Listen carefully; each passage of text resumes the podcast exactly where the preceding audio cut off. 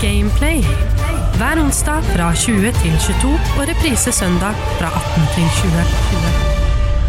Hjertelig velkommen skal du være til en eh, helt ny episode av Gameplay. I dagens program så har jeg fått med meg en gjest fra eh, skal jeg si, spilljournalistenes verden. Det er redaksjonssjefen for Pressfire, Erik Fossum. Velkommen til deg. Jo, takk for det. God Ja. dag, god dag. Det er, det er redaksjonssjef du er hovedsakelig? Det er redaksjonssjef er hovedsakelig. Altså, du kan jo si at jeg er journalist i tillegg, Ja.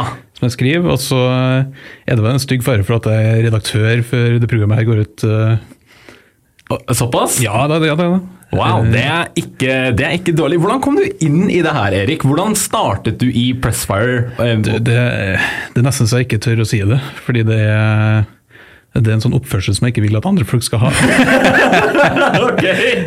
Eh, altså Det starta i det herrens år eh, 2005, eh, lenge før Pressfire var en greie. Ja. Eh, Pressfire starta opp litt uavhengig av det jeg holdt på med, eh, i 2008.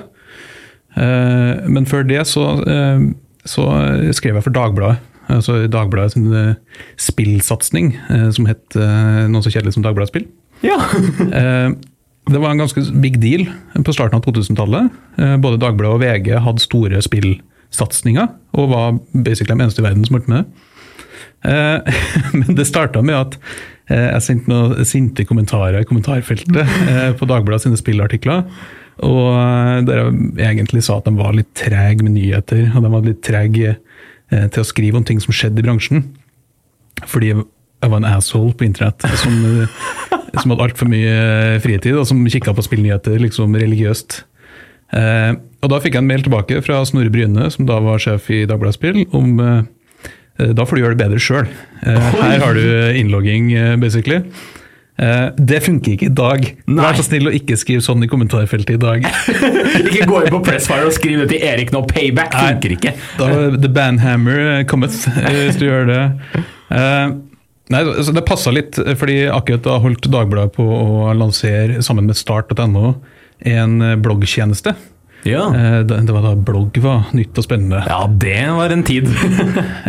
Og da skulle det lages en spillblogg. Så det var der jeg begynte å skrive, da. Eh, eh, altså den spillbloggen, eh, det her var på en tid da det meste gikk rett ut på Dagbladet-fronten, Ja. uansett. Så det var liksom, det var som å skrive for Dagbladet, basically. Det var det, ja. Ja, fordi du skrev en bloggpost, og så havna jeg på fronten av Dagbladet. Da var det fryktelig mange som leste den bloggposten uansett. Ja. Eh, Så spilldelen ble plutselig veldig stor. Eh, Det gikk kjempebra. Eh, Og så i 2008 så starta Pressfire opp eh, som en konkurrent, da, kan du si. Eh, Og de ble til å begynne med, etter å ha vært litt indie, en del av VG. Uh, Og så, eller de leverte artikler til VG. Eh, Da var det gamer.no som leverte til Dagbladet. Og så var det en liten Ja. sånn switcheroo som skjedde eh, på et eller annet tidspunkt. Så ble det liksom eh, gamer til VG og Pressfire til Dagbladet. ja. Og i 2000, slutten av 2010, starten av 2011, da kjøpte Dagbladet Pressfire. eh, Og innlemma det i Dagbladet Proper. Eh, Og da ble liksom Dagbladet Spill ble til Pressfire. Um, og så var vi i Dagbladet i ganske mange år, frem til 2016. eh, Eller slutten av 2015. Eh, Da var det en liten sånn krise for nettaviser i landet.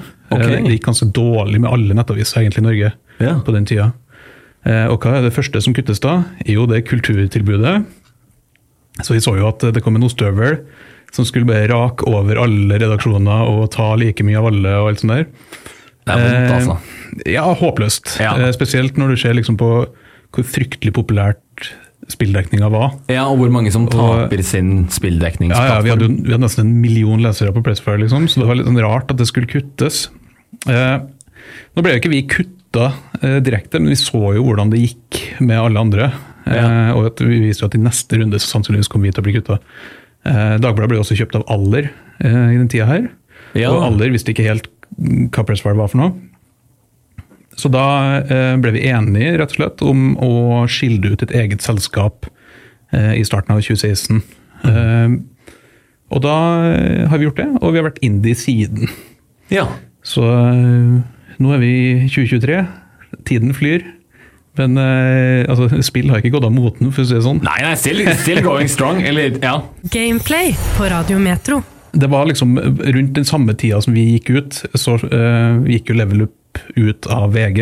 Ja. Aftenposten slutta med sin skriving om spill, eh, og det var generelt dårlig tid for spilldekning i Norge. Eh, fordi da alle sammen gikk tilbake til å bli sånne nisjenettsteder istedenfor å være noen som dekte på en sånn bred måte. Eh, og det er litt synd. Eh, og jeg føler at vi egentlig ikke har kommet tilbake i det hele tatt til der vi var før 2016. Altså, det var NRK som har en og annen eh, anmeldelse av spill. Ja. Eh, Men bortsett fra det så er det, det er skralt i riksmediene om spill.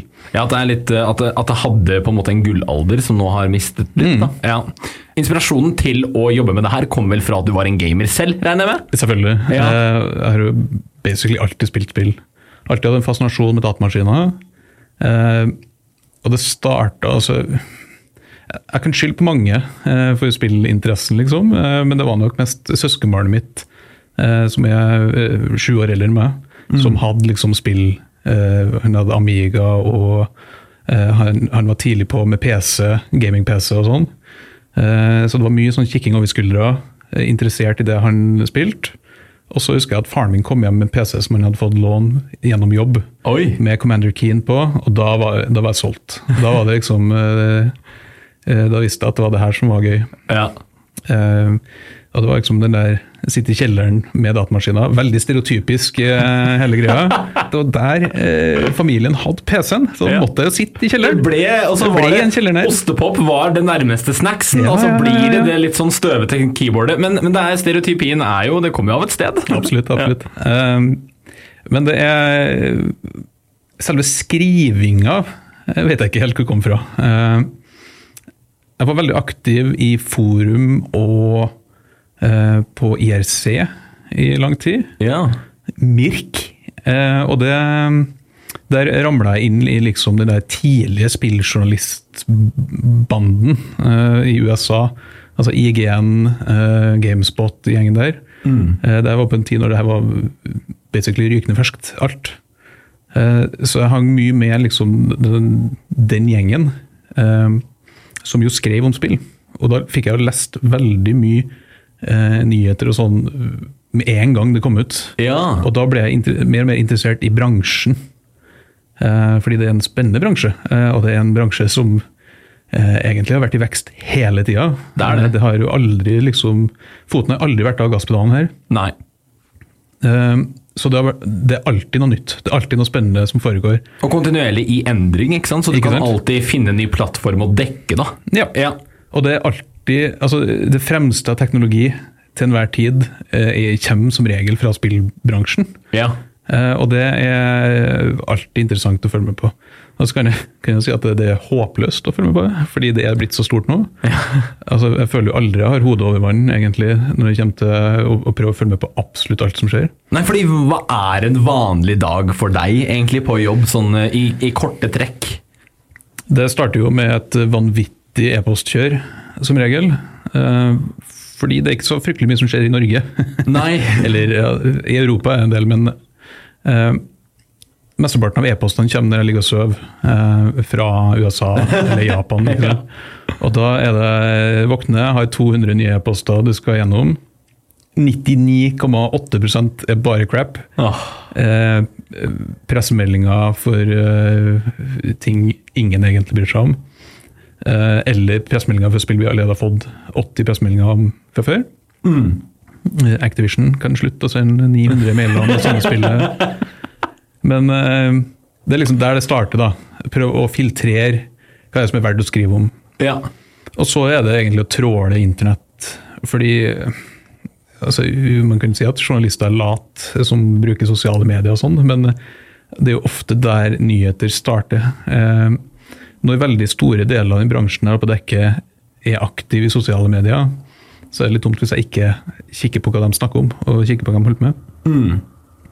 Eh, så veldig mye av tida går med på egentlig å følge med. Eh, kikk hva folk snakker om. Eh, prøv å få satt det i en kontekst med det du kanskje har skrevet om før. Ja. For det, altså, å følge opp artikler er jo ganske viktig. Og så er det det å prøve å finne eget innhold. Det er jo liksom the holy grail. Altså, eh, å, å skrive noe andre ikke har. Altså, sånne Raske nyheter er liksom the bread and butter. Ja. Eh, Men det som gir oss kredibilitet, er jo det tyngre stoffet. Altså intervjuer, anmeldelser, eh, alt annet, egentlig. Og gjerne de som er litt unike, da, som har en vinkling som ikke alle har tenkt på ennå. Ikke sant? Ja. Ikke sant? Eh, så det, det er liksom Det er dagen. Eh, les masse, Ja. snakk med folk, eh, skriv litt. ja, det er litt sånn jeg så det for meg, egentlig. Ja. Det er ganske kjedelig. Vi, vi fikk eh, et spørsmål en gang fra Det var en eh, ungdomsskoleelev. Det var den der eh, Hva heter den? Arbeidsuka. Ja, arbeidsuka, Eh, ja. Så får vi mail da med sånn Hei, Brøsfar, øh, dere spiller jo dataspill eh, for a living, ikke sant? Sånn, Kunne jeg komme og hatt arbeidsuka mi Eh, Operasjons Dagsverk heter det. Operasjons Dagsverk, ja, ja, Kan jeg kom til dere og så jobb hos dere en dag? Jeg, ble sånn, jeg tror du har kanskje misforstått litt hva vi faktisk holder på med, men sure, Ja, kom innom. Vi har noen mailer du kan lese gjennom. Fryktelig skuffa ansikt eh, når jeg kommer inn og ser at vi bare sitter på et kontor og sitter bare på hver vår PC og trykker på tastatur. Å, Det sånn, hvor, hvor er spillkonsollen? Hvor er, hvor er det er jo kanskje det, det triste her er jo at jeg spiller jo mindre nå enn jeg noen gang har gjort. skulle du si. Ja, Eh, kan du med hånda på hjertet si det? ja, jeg spiller kanskje flere spill nå, Mm. Eh, men jeg spiller jeg, jeg har så lite tid til å liksom bruke 200 timer på et spill, som jeg ofte har lyst til.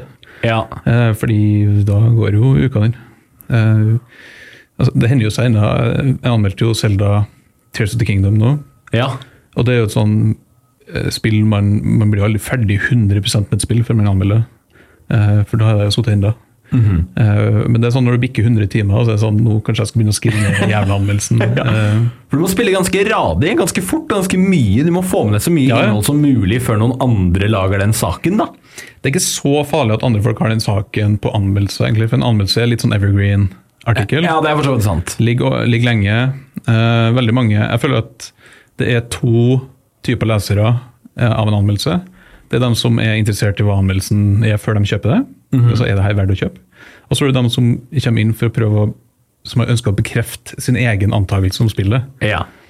Eh, og da er det jo spennende når anmeldelsen ikke står i stil med det de eh, mener. Da blir det rasende folk i kommentarfeltet og sånn. Det, er ofte kan kan du den spørre gamer.no om sin 6 av 10-anmeldelse av Breath of the Wild. eh. Oi, har dere det? Ja, ja. Seks av ti? Ja, det var den laveste i verden. Oi, wow. Og Det dere ga det vel ja, ganske så høyt. Nå ble Audun sur på meg for at jeg nevnte Bradion. Men jeg også Vi ga seks, vi òg, men vår skala går til seks. Så det går fint. Alle medier i Norge ga seks. Et lite loophole der. Men jeg, jeg, jeg, jeg er den typen som Jeg hater å se hva et spill har å by på før jeg har kjøpt det. Fordi jeg liker Jeg vil gjerne gå så blind inn i noe som mulig. Ja, det er jo fair. Ja, Og så leser jeg da en anmeldelse etter jeg har spilt det, for å se er tanken jeg har helt på Ja, vanlig. da er du i den andre kategorien. Jeg er i den andre sant? kategorien for å se om sånn Ja, ok, de, de hater det her, de òg. Da er ikke jeg den eneste sinnssyke her. Eller de elsker det. Hvorfor liker ikke jeg det? Du hører Gameplay på Radio Metro. Vi har jo litt sånne outshoots av dager også. ikke sant? Altså, det er jo enkelte dager det skjer mer enn andre. Ja. Sånn som i går, for eksempel, så var det jo PlayStation Showcase 2023. ja, Fortell meg om det. Hva skjedde da? Altså, det er jo E3 har jo liksom vært den der store spillmessa som har vært hvert eneste år. Mm. bortsett fra litt i pandemien. Uh, og da har det jo ofte vært sånn at alle spillselskaper i hele verden basically skal annonsere ting på én gang. Eh, den er avlyst i år, men alt har blitt flytta til nett. Og alle spillselskaper skal ha sin egen sånn online presence isteden. Ja. Og det var liksom starten på det i går. Uh, ut juni nå så skal det være en uh, ti uh, varianter av det som vi så i går. Og det er jo eh, da en sånn rapid fire egentlig med nyheter. Eh, 33 spill som ble vist frem i går. eh, Mange for første gang. Og da er det jo da er det jo bare å eh, ta på seg joggebuksa skulle du si, og sette seg foran PC-en og bare hamre ut eh, artikkel på artikkel på artikkel. ikke sant? Og da bare dekker alt. Og det der skjer jo ofte midt på natta, eh, så da er det jo eh, da er det ganske hektiske tider. Men det er gøy. Og så har vi jo, når det skjer ting her i Norge, eller at jeg reiser rundt i verden eh, for å prøve spill eh, Pandemien tok litt knekken på det, dessverre. Jeg er veldig glad i å reise rundt og prøve spill. Ja. Eh, men eh, veldig ofte så får vi jo forespørsler Hei, vil du, vil du komme til oss og teste ut spillet vårt? Eh, gjerne flere måneder før det kommer ut. Uh, så eksempel før det nye Mario Rabbids-spillet kom ut, så fikk jeg mail vil du komme til Paris, til Ubisoft, prøve spillet. Så, så sånne ting gjør vi. Det er veldig gøy, da, de oppdragene der. Ja, ja, ja. Eh, Det er veldig gøy, veldig slitsomt. Det, det var mer gøy før. Ja, Enn nå. Det var ett år, husker jeg, så jeg skulle Jeg sa til eh, min kollega Jalle at eh, vet du hva, jeg skal takke ja til alle sånne turer nå i år. Ja. Så skal jeg reise så mye som mulig. Og det første halvåret, jeg tror det var 2019, så det passa fint da, før pandemien at jeg fikk reist litt fra meg. Ja. Eh, Men da tror jeg, jeg tror jeg var i 14-15 sånne turer på et halvår, og da var jeg ferdig. Da gidda jeg ikke mer. Nei. Og dagstur til Los Angeles anbefales ikke. Nei, det For da var det, det, da var det ankomst og retur på samme dag? eller? Ja, det var, ble én overnatting, ble det, men eh, Ja. da var sånn, det tok to uker å komme seg etter den turen. eh, Å, fy Så søren. det men sånne ting gjør vi også. Så skjer det ting her i Norge. Reis rundt, har intervjuer med spillutviklere i Norge. Mm. Eh, Det er events som foregår rundt omkring. Var i Stavanger på Spillekspo forrige uke. Ja. Sånne ting. Eh, Så det er Man gjør jo sånn journalistting. ja, det er sånn utegående oppdrag også, ikke bare PC-hverdagen hver dag. Heldigvis. Heldigvis. heldigvis. Takk for det. Ja. Men uh, med det så tenker jeg at uh, jeg har fått en liten fin introduksjon av deg. Jeg har litt lyst til å se hva du spilte i dine eldre dager, om du kan finne noen gode titler fra nostalgien. Mine yngre dager. I, ja, i våre, ja, i dine yngre, yngre dager, mener jeg. I vår aller første spalte i dag, Playback. Ukas playback. Da er vi i uh, dagens aller første spalte, om, man kan, om jeg kan kalle det playback, hvor vi tar en titt på ja, Vi går i nostalgiens gater, liker jeg å si. Vi tar en titt på fortiden, og hva slags spill som fenget både meg og deg, dagens gjest Erik Fossum. Eh, Da kan vi starte med deg. Har du, har du ett spill du husker som var ditt aller første, aller første spill? Godt spørsmål. Det, det er et, eh, nesten umulig å svare på, skulle du si. Jeg tror det aller første spillet jeg har spilt, het eh, Alley Cat på DOS. Um, til DOS? På DOS. Ja. Eh, som er et spill der du styrer en katt som skal hoppe inn i masse ruter i et leilighetskompleks og basically rake havoc i innendørs. Ok. Dytte ned fiskeboll, eh, eh, skitne til gulvet osv. osv. Ja. Det, er- det spillet tror jeg er fra sånn 1981. nå. Høres ut som GTA før GTA, bare at du er en katt. Du skal ødelegge Det Kattens GTA, det kan du godt kalle det. Altså, det er jo den der eh, typiske katte-asshole-nessen du skal gjøre i det spillet. ja. Um, altså, jeg har jo prøvd eldre spill, um, men eh, jeg tror nok det var kanskje var det første jeg spilte uh, sjøl. ja. Eh, Det første som jeg følte gjorde litt inntrykk på meg, som jeg nevnte tidligere, det er Commander Keen 1. Ja. Um, Hvilken konsoll var det? det til? var på PC. det var på PC, ja. Det var det første siderullende spillet på PC. Var det det? Fordi eh, Før det så var det ingen spill på PC som kunne ha siderullende ting. Fordi PC var litt shit på dataspill eh, før. Det var, det var konsoll som var kongen. Ja. Eh, det jo en litt morsom historie, for det var jo egentlig Super Mario. id Software, som lagde spillet, gikk jo til Nintendo og sa hei, vi kan porte Super Mario Bros. 3 til PC. Ja. Fordi vi har teknologien til å ha siderulling i, i spillet vårt. Så sa Nintendo nei, nei. Vi, vi har det på Nes, og det går helt fint. Så sa vi ok, da lager vi vårt eget spill isteden. Så ble det Commander Keen. Ja. Eh, Så det var Det tror jeg var liksom det første sånn skikkelig bra PC-spillet jeg har spilte. Hvilket studio var det det kom fra? id Software. id Software. Som eh, senere lagde Wolfenstein og Doom. Ja, ja, ja, ja, de gamle. De, de gode gamle. Ja, og de de nye. gamle. Og de nye. Ja. ja, ok, så det er noen gode titler der. Men Commander Keen, ja. Var, var, det, var det flere spill på den tiden her som satte mer inntrykk på deg når det kommer til dette med storytelling i games, eller hadde Commander Keen det elementet også? Commander Keen hadde ikke det elementet. Jeg tenkte det, det. var mer den der gode gamle eh, poengjaget som var i det spillet. Selv om det var levels, da, så det var jo litt sånn nyskapende, kan du si. Ja. Eh, nei, altså, det, på den tida så var det jo konsollspill eh, Men jeg spilte mest på PC på den tida. Jeg Ja. husker Ultima 7 var helt fantastisk eh, første gang jeg spilte. Det er et spill som er fra 94-95. Jeg tror ikke jeg spilte da, men jeg spilte litt etterpå. Eh, og Ultima 7 er basically Skyrim, eh, bare way back then. Okay. Altså i omfang ca. like stort som Skyrim. I ting du kan gjøre, ca. samme som Skyrim. Det er et okay. ekstremt ambisiøst spill. Sier det litt Eh, mer om Skyrim enn det sier Det- om Skyrim? Ultima 7 var liksom en sånn Det var, det var top notch på den tida. Liksom. Det, var, det var datidens uh, sånn, trippel A-spill. ja. Men det var jo masse på, eh, på Nintendo, ikke sant. Zelda har alltid vært en favoritt, og Zelda-spillene var jo blant de største som var på den tida. Um, og det Jeg vet ikke om storyen kanskje var så veldig viktig for meg i Zelda, men det var mer den der dra på oppdagelsesferd i en stor verden som var spennende i mange spill på den tida. Og så spilte jeg en del uh, Little Big uh, Adventure ja. som jo var uh, kanskje et litt mer story-heavy spill. I hvert fall et spill som eh, da det først kom, var litt annerledes i at det tok opp litt sånn mørkere tematikk. Det er jo et spill som handler om undertrykkelse og eh, altså det er land som har blitt okkupert, som du, som du skal prøve å, å redde. Fra den onde Dr. Friendfrock. Eh, så det var, det var et spill som liksom gjorde inntrykk i, eh, i eh, storytelling, og det var cutscenes.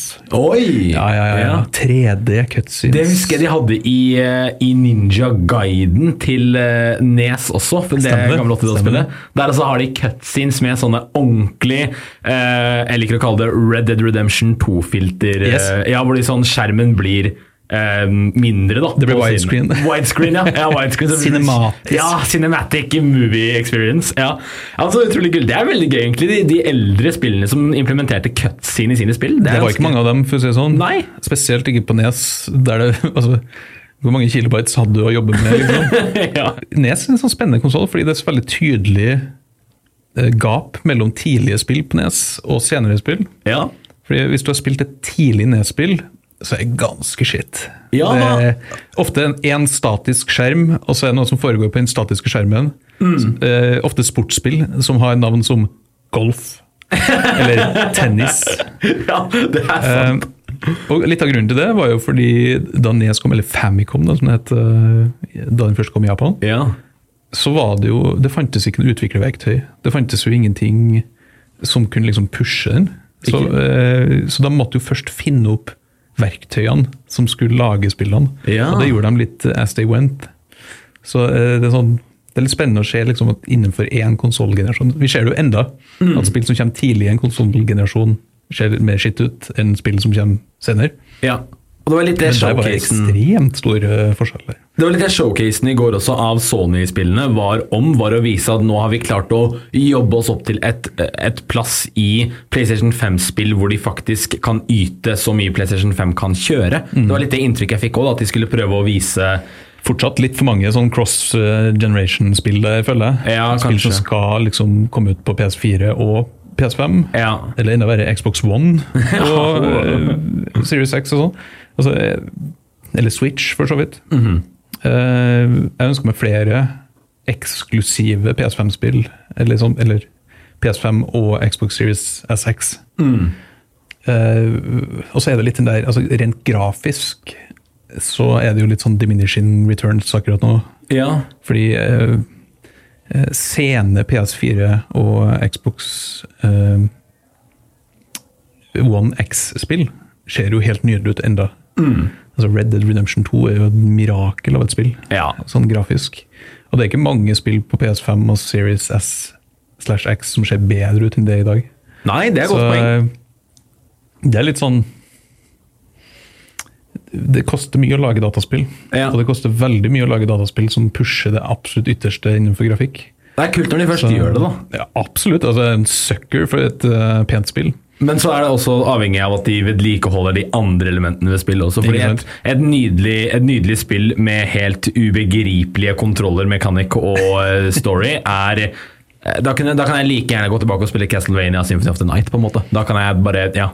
Det er jo da litt fint med Tears of the Kingdom som kom ut nå. og altså, Det er jo ingen som, eh, som vil si at det spillet er et veldig eh, altså, moderne grafisk spill. Altså, det er jo på en konsoll som basically er fra 2015.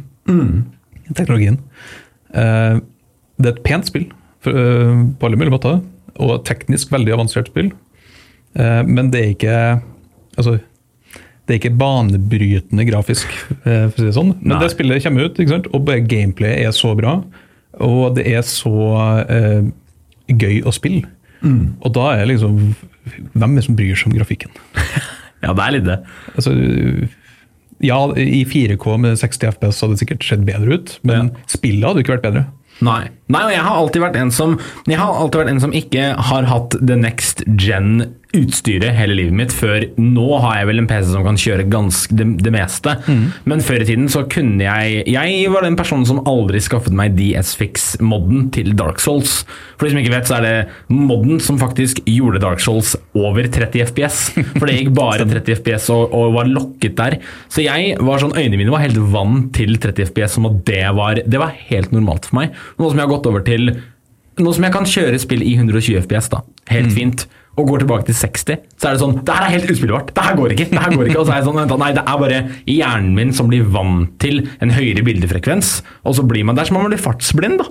Man blir det. Ehm, og så er det jo litt den der, hvis du har en uh, PC som kjører ting i 120, eller konsoll nå, mm. konsoll er også det, eh, så er det ikke så farlig hvis en dipper 10 FPS, ikke sant? Nei. Det er 110 FPS, du merker ikke forskjell på det og 120, ikke sant? Nei, nei. Men hvis du sitter og spiller 30 FPS, og så får og så blir det 20, da da er det vondt. For meg så er det sånn, 60 det er helt fint. Da er, altså 60 da er det smooth as butter. Ja, og samme her også. Eh, 30 da er, sånn, da er jeg veldig avhengig av hvilken type spill det er. Mm. Zelda går fint, fordi Selda er et tregt spill. Bilspill det vil jeg ikke spille i 30. Nei. Eh, skytespill vil jeg overhodet ikke spille i 30. Eh, Nei. Hva med simulatorspill? Kan man egentlig spille i 20 FPS? ja. Strategispill. Én Ja. FPS. det ja, det er som regel bare én frame. Det henger jo litt sammen med en sånn strømming av spill, som jo begynner å bli en greie nå. Og da er jo, jo kjappere spillet er, jo vanskeligere er det å få det til å strømmes skikkelig. Ja. Så det er sånn strategispill, turbaserte spill. Det går helt fint å streame i dag. Eh, men eh, du vil helst ikke streame et bilspill. Det er jo en eh, teknologi som er på full fart inn, og som er grunnen til at Microsoft ikke får til å kjøpe Activision. Ok. Jo, fordi det, er en emerging technology som foregår akkurat nå.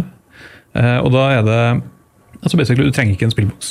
Du bare fyrer opp en nettleser, og så strømmer du spillet. Sånn som du strømmer en video på YouTube eller Netflix. Ja, via en browser, liksom? Ja.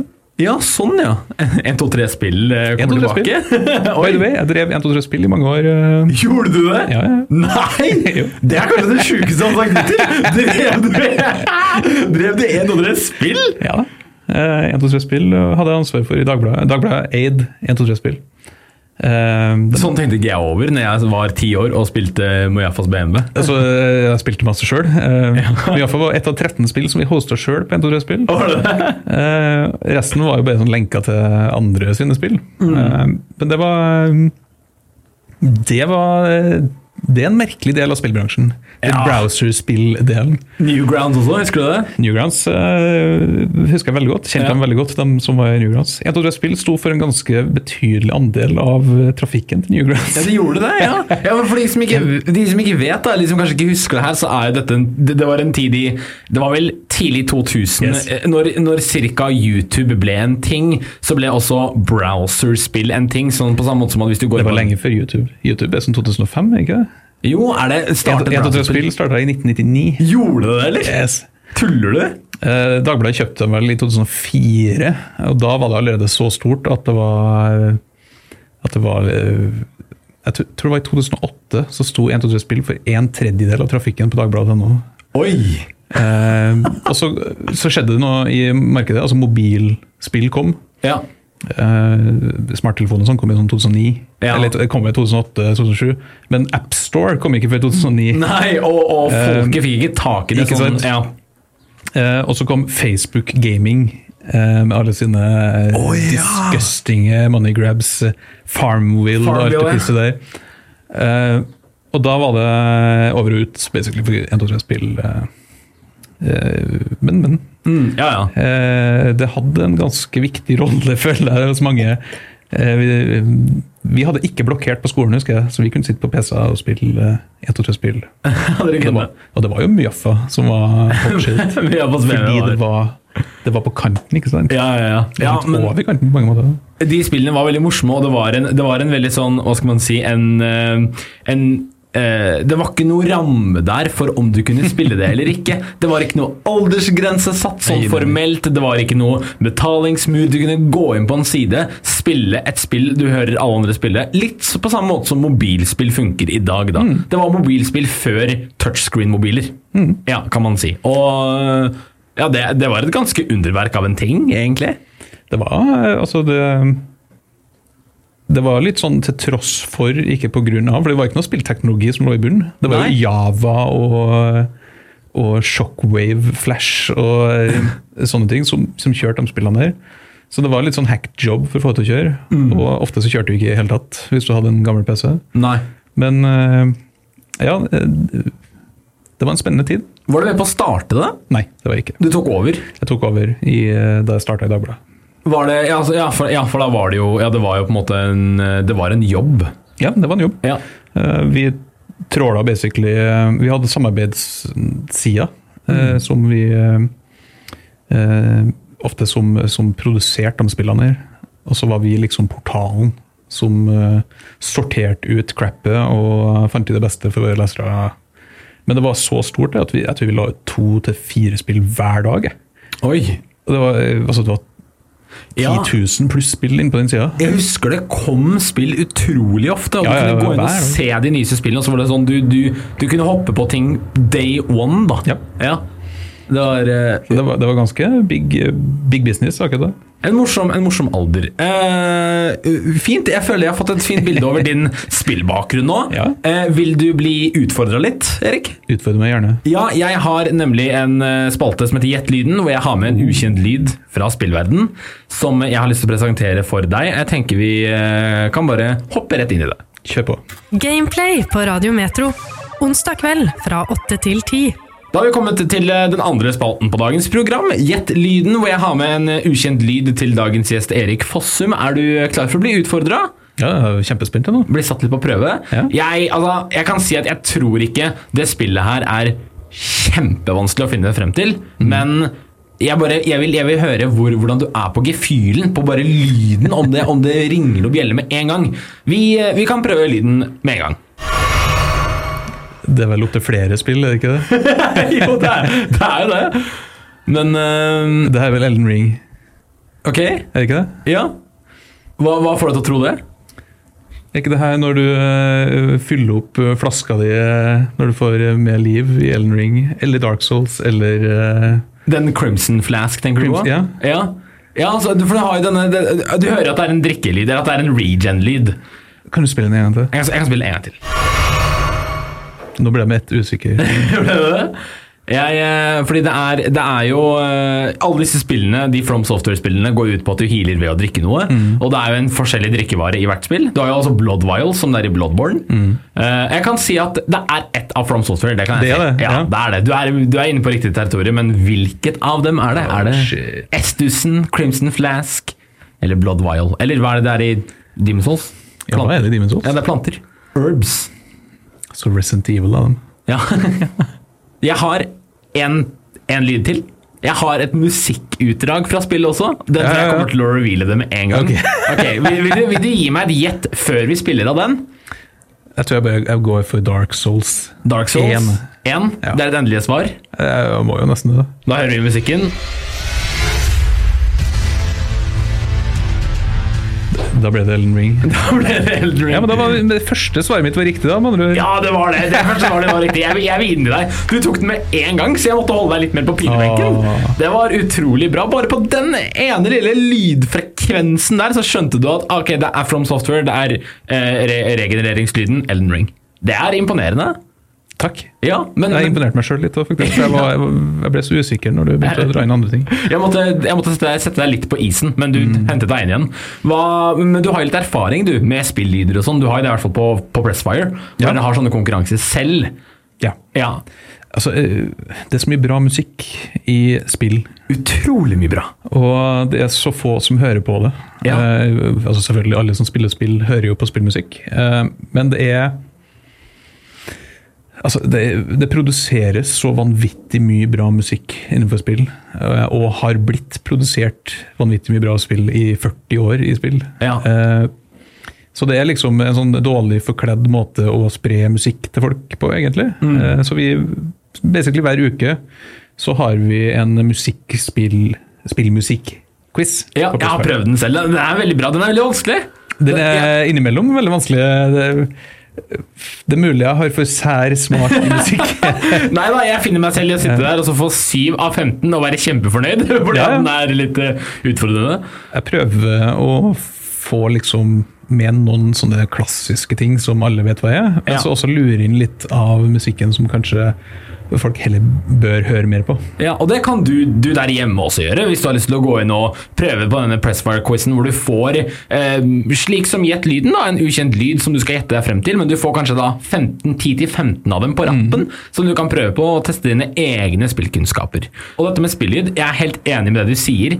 Jeg kunne så ønske at alle gikk med samme AirPods, så jeg bare kunne spilt i mer spillmusikk, fordi folk må høre det. Det er så mye bra der! Det har heldigvis blitt litt mer stuerent eh, i det siste. Det har det. Altså, det er ikke så lenge siden vi fikk vår første Grammy-vinner i spill, og nå eh, fikk vi enda en i fjor. Eh, altså nå skal det sies at Grammy har begynt med en egen spillkategori nå.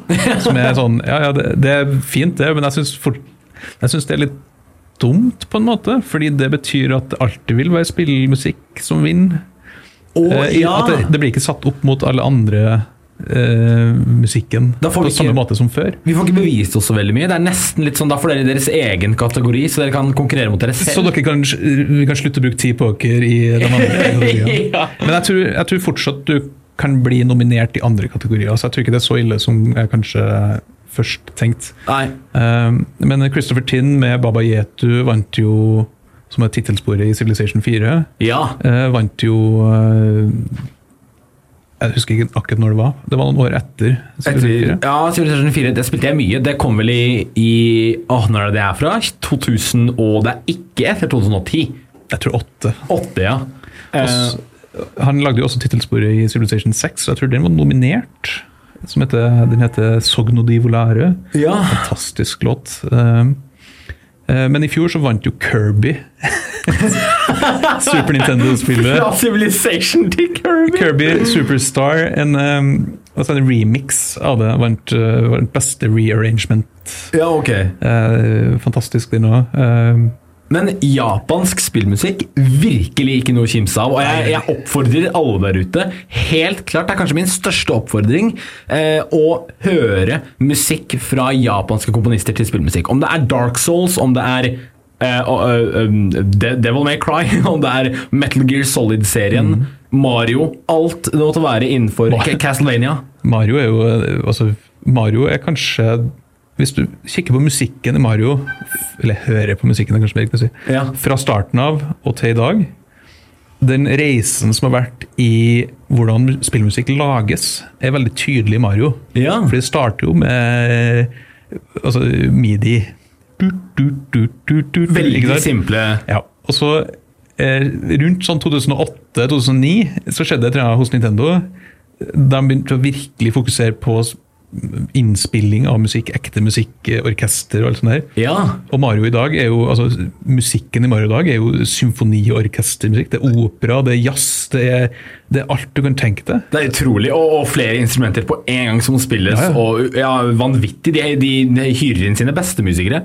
Og ofte så må jo spill ha fryktelig mange spor, fordi det skal være dynamisk. Ja. Altså det skal jo speile det du gjør. Um, uh, og det er veldig mange spill som altså det kjøres en fire-fem tracks samtidig. Mm. Og så avhengig av hva du gjør, så byttes det mellom dem. ikke sant? Så det, det er samme sporet, men det er med variasjoner basert på hva du gjør. Sånn. Så det, det er vanskelig å lage Ja, for- spillmusikk. For du har jo først et, et level-musikk, altså hele atmosfæren, liksom, la oss si water level, og så har du lyden av ambience i water levelet, som er f.eks. lydeffekter og sånn, Mm. og så har du lydene av at figuren slåss. Allerede der har vi tre spor. Alt eh, Foley og sånne ting skal Ja, ja. legges i spill. Eh, men det, men eh, altså, spillmusikk har blitt større. Eh, nå er det jo konserter du kan gå på. Jeg har vært på Zelda-konsert i Barbican-senteret i London. liksom. og Har du det? hørt symfoniorkestermusikk. Stappfull sal. Det er alltid fullt når det det er er, når det er spillmusikkonserter. Eh, Svensk TV hadde jo en hel kveld der de bare hadde spillmusikk. Ja. Eh, som er, det ligger på YouTube. Anbefales på det groveste. Hva, hva sa det het? SVT hadde Jeg tror det bare het en, en, en kveld med spill. Okay. Og er, helt fantastisk. Oi. Eh, Det er liksom Sveriges eh, kringkastingsorkester som, eh, som inviterer. Nei, jeg husker det var en, en greie i, i England. eh, fordi de, har- de har en, eh, en ganske kjent radiokanal som heter Classic FM. Som liksom er, var den der Det er den store, klassiske eh, radiokanalen. eh, som jo da betyr at det er et ganske voksent publikum Ja. som hører på. ikke sant? Eh, de bestemte jo seg for at vet du hva, nå er det så mye bra spillmusikk som er klassisk musikk. Eh, så vi skal ha med det i sendingene våre. Vi skal begynne å spille Fan Fancy. Eh, Å. musikk og, sant, og sånne ting. Ja. Fordi de, de som lagde eh, altså de som drev radiokanalen, eh, sidestilte med alt annet klassisk musikk som lages. Hvorfor ikke? Da ble folk rasende. Ble det? Ja, ja, det sånn, ja, Her sitter vi og hører på Bach og Mozart, og så plutselig er det Uematsu og, og Koji Kondo. Nei, Men så, må- ja. men, men så gikk det over. Det Eh, ja, ja, og så eh, var tilbakemeldingene med bare sånn Å, shit, det her er ganske bra. Det her er bra musikk. Og så så vi jo, altså Under OL for noen år tilbake så spilte de jo spillmusikk eh, Jeg det var kunstløp. Ja. Da var jeg sånn sånn, «Oi, De spiller eh, One Winged Angel fra Fan Fantasy. ja mens de Sephiroth ute. eh, theme. Og så kom jo OL nå eh, sist, ikke sant, i Japan. Mm. Hele eh, eh, innmarsjen. Det er kun spillmusikk som blir spilt i to og en halv time. Ja, det er så Og kult. det, det, er, så, det er så deilig. Da da jeg rørt. Ja. Um, og det Jeg vet ikke om du husker avslutninga på forrige OL, i Rio. Det slutta jo med Super Mario. Gjorde det, ja? Altså, da kom jo daværende statsminister i, i Japan, um, Abe, Ja. Kom jo utkledd som Super Mario. Han kom jo ut av et stort grønt rør. Og liksom sånn invitert til Japan. Uh, og det var Da tenkte jeg at eh, nå må vi slutte å snakke om dataspill som noe smått. ja, nå må vi begynne å ta det seriøst. Ja. Ikke at det noen gang har vært smått, Nei, men uh, men nå, nå ser hele verden på det like stort som vi gjør òg. det er et par ting som er ferdig med å diskutere med folk. Og det er liksom den der Er dataspillkultur? Ja. Blir man voldelig av dataspill? Og har det blitt stort? Det Ja. sånn, den der Nå skal dataspill endelig ut av gutterommet. Det er sånn, fuck, slutt med Dataspill- det. Jeg gidder ikke å prate om det engang. Sånn, det er sånn, vi, vi trenger ikke å snakke om sånne ting mer. Nei, Nei det, er, det er mange fordommer mot gamere. Det er som, fortsatt det. Uh, som gjerne kan vaskes vekk ganske raskt. Fordi jeg føler vi, vi Tide i hjel, syns jeg. Ja. Vi trenger ikke å ta den debatten mer, fordi den debatten er ferdig. Ja. Den debatten ble ferdig med i 95, liksom. ja. Men, men har du noen sånne kule anbefalinger til, eh, til lytteren der hjemme om eh, hvilke musikk de kan utforske innenfor spillverden? For jeg har noen. Nei. Ikke? Svaret mitt. Altså, det er litt Det er så vanskelig å skulle single ut noe. Altså, du snakker med en person som har eh, på sin topp fem liste over dataspill Ja. sikkert 50 spill. Ja. Fordi jeg ikke greier å sortere tankene mine såpass at eh, jeg får lagd en topp fem-liste. Eh, så jeg har ikke noe sånn favorittspillmusikk, egentlig. Nei? Jeg hører på det aller meste som er bra. Det er mye, det er mye shit. Det er, det er mye dårlig. ass! mye shit. Å, det er mye dårlig. Jeg skrev en hel artikkel en gang om dårlig spillmusikk.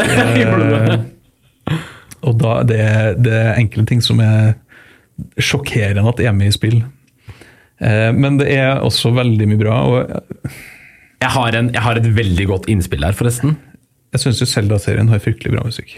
Ja, det syns det? Ja. Det tror jeg alle syns også, egentlig. Final Fantasy har eh, som regel veldig bra musikk. Det, Det- vil si Final Fantasy 10 er en av mine yndlinger når det kommer til musikken. Ja. Um, Jeg har en kort, en kort liten kommentar faktisk til det der med dårlig spillmusikk. Uh, ja, det er et spill laget av det studio som lagde Åh, Heavy Rain, Beyond Two Souls, hva er det de heter igjen? det heter uh, Quantic, Quantic Dreams. Quantic Dreams. Nei? Eh, ja, ja, det er det. Uh, det. Med David Cage. Yes. Eh, han, eh, en av hans tidligere spill Omicron er et gammelt spill som er eh, ufattelig merkelig. Og i det spillet så er David, David Bowie Bowie musikken, i uh, musikken. Det er, det, det er en så rar, og det er kjempedårlig. den musikken er, mye av den musikken er skikkelig teit, og det er noe av det kan være ganske ræl. Michael Jackson skrev vel musikken i Sonic 3, gjorde han ikke det? Gjorde han det? Ja, ganske sikker oh, det. Det, er, det er så kult hvordan de går sammen, da, hånd i hånd. Ja, men ok, tilbake, ja, tilbake til uh, Jeg er så glad i A-sporet når vi snakker om spillmusikk. Det blir jo vil spor, Eh, Final Fantasy 10 og Selda. Zelda. Blir, blir det dine to liksom uh, anbefalinger til spillmusikk? Fryktelig kjedelig, fordi det er spill som liksom alle har hørt om. eh. Ja, har du en som er under radaren, som du er litt ergerlig for at ikke alle har hørt om? Vi snakka om det tidligere, og Little Big Adventure Ja. har et fantastisk soundtrack. Hva heter den? Det heter Little Big Adventure. Ja, okay, det er ikke, det er ikke et theme, Det, er liksom. eget, eh, det heter bare Little Big Adventure Theme. Ok, Og um, Det ligger på YouTube. Det er det meste av spillmusikk gjør det. Um, Så det, sjekk ut det. Det er eh, tidlig kjempebra musikk. ja. Det, jeg føler at det går et sånn Det er et punkt bakover i spillhistorien der Altså, på et punkt så stopper jo spillmusikken. Fordi det var ikke musikk i spill før New Rally X, som var det første spillet med musikk i. Oi, sier du det? Wow. Det var dag- dagens fun fact. Ja, det, det var en virkelig fun fact òg. Og eh, eh, så er det mye shit fordi teknologien var ikke helt der. Eh, jeg føler du må, vi må liksom helt opp til Commodore 64 før det liksom ble ok musikk i spill. Eh, og selv da så er det mye, mye crap der. Og det, er Ja. det, er mange, det er ikke alle som setter pris på den der litt skjærende midi-musikken. SID-musikken. Nei. Um, Mange vil kanskje si at det er litt masete, med mindre du har vært der og opplevd det selv. jeg er jo litt enig, egentlig. Ja, ja jeg også er litt sammen, enig. Sammen Nes, jeg føler at det er først på Super Nintendo egentlig at uh, det ble spillmusikk som ble bra. Det er, ja, Amiga Amiga har mye bra. Ja, Amiga. har Mye bra. Jeg tar tilbake Super Nintendo-tingen. Jeg tenker på eh, Bloody Tears fra Castlevania 2. Castlevania 2 var vel SNES, Super Nintendo. Castlevania 2 er Nes. Nei, det er Nes, ja. Der, det er Bloody Tears er en sånn soundtrack hvor det er så utrolig kult, men jeg har ingenting jeg imot å forstå at det er slitsomt å høre på det her hvis du ikke har spilt spillet selv. Folk bør sjekke ut Silver Surfer på Nes. Det er fantastisk soundtrack. Er det? Litt anmasende, det òg. Ja, okay. Men Amiga, her skal du få en Rapid Fire. En Rapid Fire. Kjør på. Supercars 2, Ja.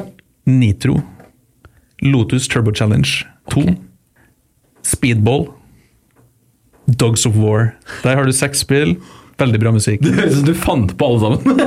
Fordi titlene var så overalt. Det som er litt rart med Amiga, Ja. er at nesten ingen av de spillene som kom der, som, som gikk for å være fryktelig bra spill back in the days, har blitt porta til noe som helst annet. De har ikke blitt plukket opp igjen, nei. Nei, ikke i det hele tatt, og det er litt rart. Fordi alle snakker om Amiga. Ja, og Amiga var jo så langt foran alt annet da det kom. Amiga var jo over Super Nintendo i ytelse, Ja. men tilbake i 87, liksom. Ja. Um, Så det var mange år foran. altså Prisen var jo deretter òg. Men det var jo ikke så mye som skulle til egentlig for at det hadde vært Amiga vi alle har sittet på i dag. Eller det som har kommet etterpå. Fordi eh, det, det sto jo liksom mellom PC og Amiga, basically. Ja. Eller, da, eller andre hjemmedatamaskiner. Og eh, Amiga var jo liksom den workstationen som folk brukte før. ja. Altså, Jurassic Park er lagd på Amiga. Er det det? Ja, ja, altså alt det sånn grafikkting og sånn var jo liksom, der var Amiga var best. Oi. Eh, og da eh, var det vel mest at eh, Commodore, altså selskapet bak det, som eh, gikk til helvete pga. dårlig ledelse, basically. Hva har Amiga vokst til nå? Ingenting. Nada. Lagt ned. Så, eh, og det er derfor jeg syns det er litt rart at veldig få av de spillene som var liksom heavy hitters på den plattformen, ikke ble tatt med videre. Har ikke blitt videreutvikla i stor grad. Nei. Fordi tror du, det kunne, tror du det kunne vært en lett konkurrent for PlayStation 2? På den tiden? Hvis Amiga hadde fortsatt, eller Det her var jo lenge før PlayStation 1. Så, Ja, men si at Amiga En dystopisk virkelighet hvor Amiga fortsatte å utvikle Ja, seg og levde. Ja? Tror du den hadde Fordi at PlayStation 2 er den mest solgte konsollen. Mm. Tror du Amiga hadde hatt rykte og eh, erfaringen til å kunne utvikle noe som gikk beyond det på den tiden? Nei, det Nei. tror jeg ikke. Nei. Eh, Det hadde kanskje vært mer en sånn generell PC-utfordrer.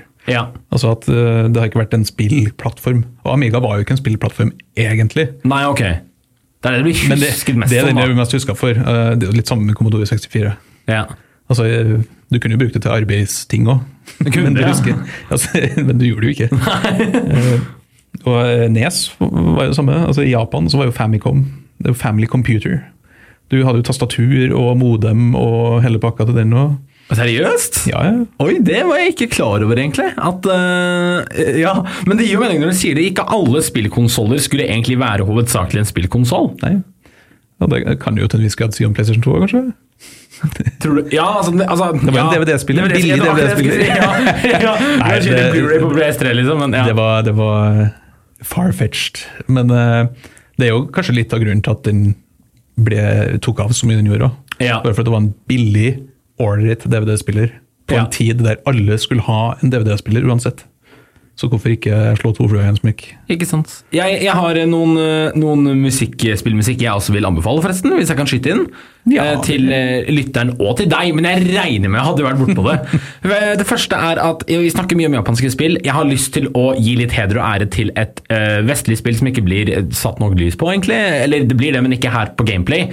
Det er Undertale. Rett og slett fordi at soundtracket og sangene til Undertale er, ja, er helt eh, u- sinnssykt gode, og det er laget av én person, samme duden som lagde spillet, også Toby Fox. Eh, så gå dit. Tenk at hele spillet har en, uh, har en tematisk uh, motiv gjennom alle musikkene, og at det nesten er som at de følger hverandre i rekke og rad. Da. Det er nesten som et veldig langt stykke han har laget, eh, og helt for hånd med, med lite erfaring fra spill tidligere også. Han hoppet bare rett i det og mestret det. Han har en låt i The nyeste Smash Brothers. Har han det? Som er, altså det er en Undertale-remix som er lagd. Å, sånn, ja. Uh, jeg tror det er Megalovania-tracket heter det. Remix? Ja. Remix. Det er fantastisk. Åh, det er så Du, her er min uh, sikkerstikk. Okay. Smash Bros Ultimate. Spillmusikken i Smash Bros Ultimate. ja, det, er, Det, det er litt juks, Det fordi det er så mange spillserier. ja. Jeg tror det er 1100 spor og sånt i det spillet. Det er som å si at favorittsuperhelten min er han i Avengers. Eller at den, den beste plata til Beatles er Best of Beatles. Bra! Det er veldig bra. Uh, så jeg har, jeg har Undertale, og så skal vi tilbake til Japan igjen. For da har jeg uh, Persona-musikken. Ja, den er ganske og bra. den er guddommelig bra, altså. Der er det Jeg har enda ikke spilt noen Persona-spill. Du har ikke det? Og da, det, da vet du hva du skal gjøre når du kommer hjem etter middag i dag. Det er Oh. Persona 3, 4 og 5. Jeg har spilt alle, alle de tre, og de er ett av mine jeg vil si topp fem. Nå har jeg jo ingen unnskyldninger, for nå kommer jo remasters av alle. Det gjør det, og nå er alle fem på PC. Nei, alle, alle tre, da. Ikke én og to, for de er jo Shin Megami Tensei, spin-offs så videre. Men um, Persona 3 de har en lofi-vibber da, til musikken sin. Persona 4 går for uh, listepop-ekvivalenten av japansk musikk. Da. Og Persona f- 5 går for jazz-blues-sjangeren. Så der har du på en måte alle, alle er av samme spillserie, men de har en helt forskjellig inngang til musikk. Musikken til alle tre er i Smash Brothers òg, så kan du bare Det er den, fordi kjører Joker er en figur. Ja, kjører jo bare Ultimate der òg. Og den siste jeg har, er vel eh, eh, musikken til eh, Final Fantasy 14, MMO-et. Mm. Eh, spesielt da expansion Shadowbringers har utrolig mye bra musikk, hvor de Jeg føler de pusher rock og garasjerock til en ganske ny, eh, nytt nivå, og hvordan de bruker det i spillverden. Eh, både i spillet, men også utenfor spillet. Fenomenalt stykke, ass. Et norsk spill med bra musikk, det er Owlboy. Det Owlboy? Owlboy har et fantastisk soundtrack. Ok. Så Ja. det, bør- det vil folk sjekke ut. Også. Og med det, på den tonen tenker jeg vi sier eh, tusen takk, Erik, for at du kom og var eh, gjest på Gameplay. Bare hyggelig. Det var veldig hyggelig å ha deg. Du er ordentlig talentfull. Jeg skal ikke, jeg skal ikke se bort fra at du kanskje kommer tilbake en gang i fremtiden nå. Det har vært hyggelig, det. Det har vært veldig, veldig hyggelig. Uh, Skal jeg og- prate høl i hodet på, på deg på nytt. ja, gjør det! Uh, og uh, hvor kan vi ellers, ellers finne deg i den vide verden? Du finner meg på pressfire.no. Uh, stort sett, skulle jeg si. Kanskje ikke finner meg der, men du finner det jeg har produsert, i hvert fall der. Ja. Hvis ikke, så finner du meg på Twitter. Erik Fossum. Ja. Og med det så vil jeg si tusen hjertelig takk for at du har hørt på Gameplay for denne gang. Vi kommer med en ny episode neste onsdag, så eh, vær eh, på vakt for den episoden. Der skal vi snakke om nye spill med en helt ny spennende gjest. Takk for meg. Gameplay på Radio Metro. Onsdag kveld fra åtte til ti.